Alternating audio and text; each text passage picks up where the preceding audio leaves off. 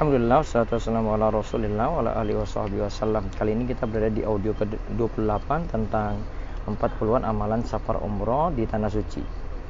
Apa amalan ke-28? Yaitu memperbanyak baca Al-Quran.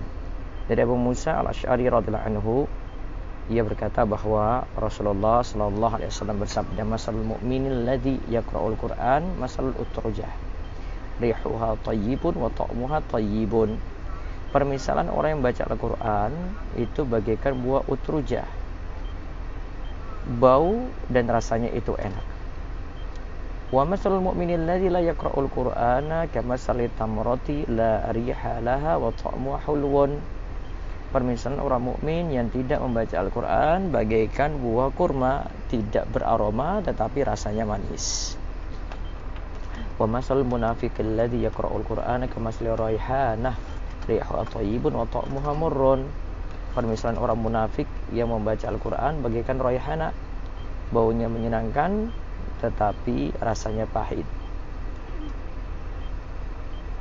Kemudian wa masalul munafiqil ladzi la yaqra'ul Qur'ana kama hamdala laisa laha rihun wa ta'muha murrun. Permisalan orang munafik yang tidak membaca Al-Qur'an bagaikan hamdalah rasa dan baunya pahit dan tidak enak.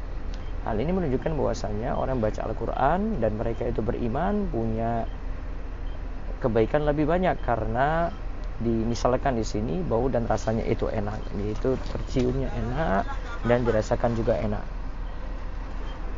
Kemudian kalau dia pun beriman tapi tidak baca Al-Quran, tetap dikatakan dia punya kebaikan karena masih adanya iman di situ. Yang berbahaya adalah kalau jadi orang munafik, dia tidak ada iman, tetapi rajin baca Al-Quran karena ingin dipandang oleh orang lain.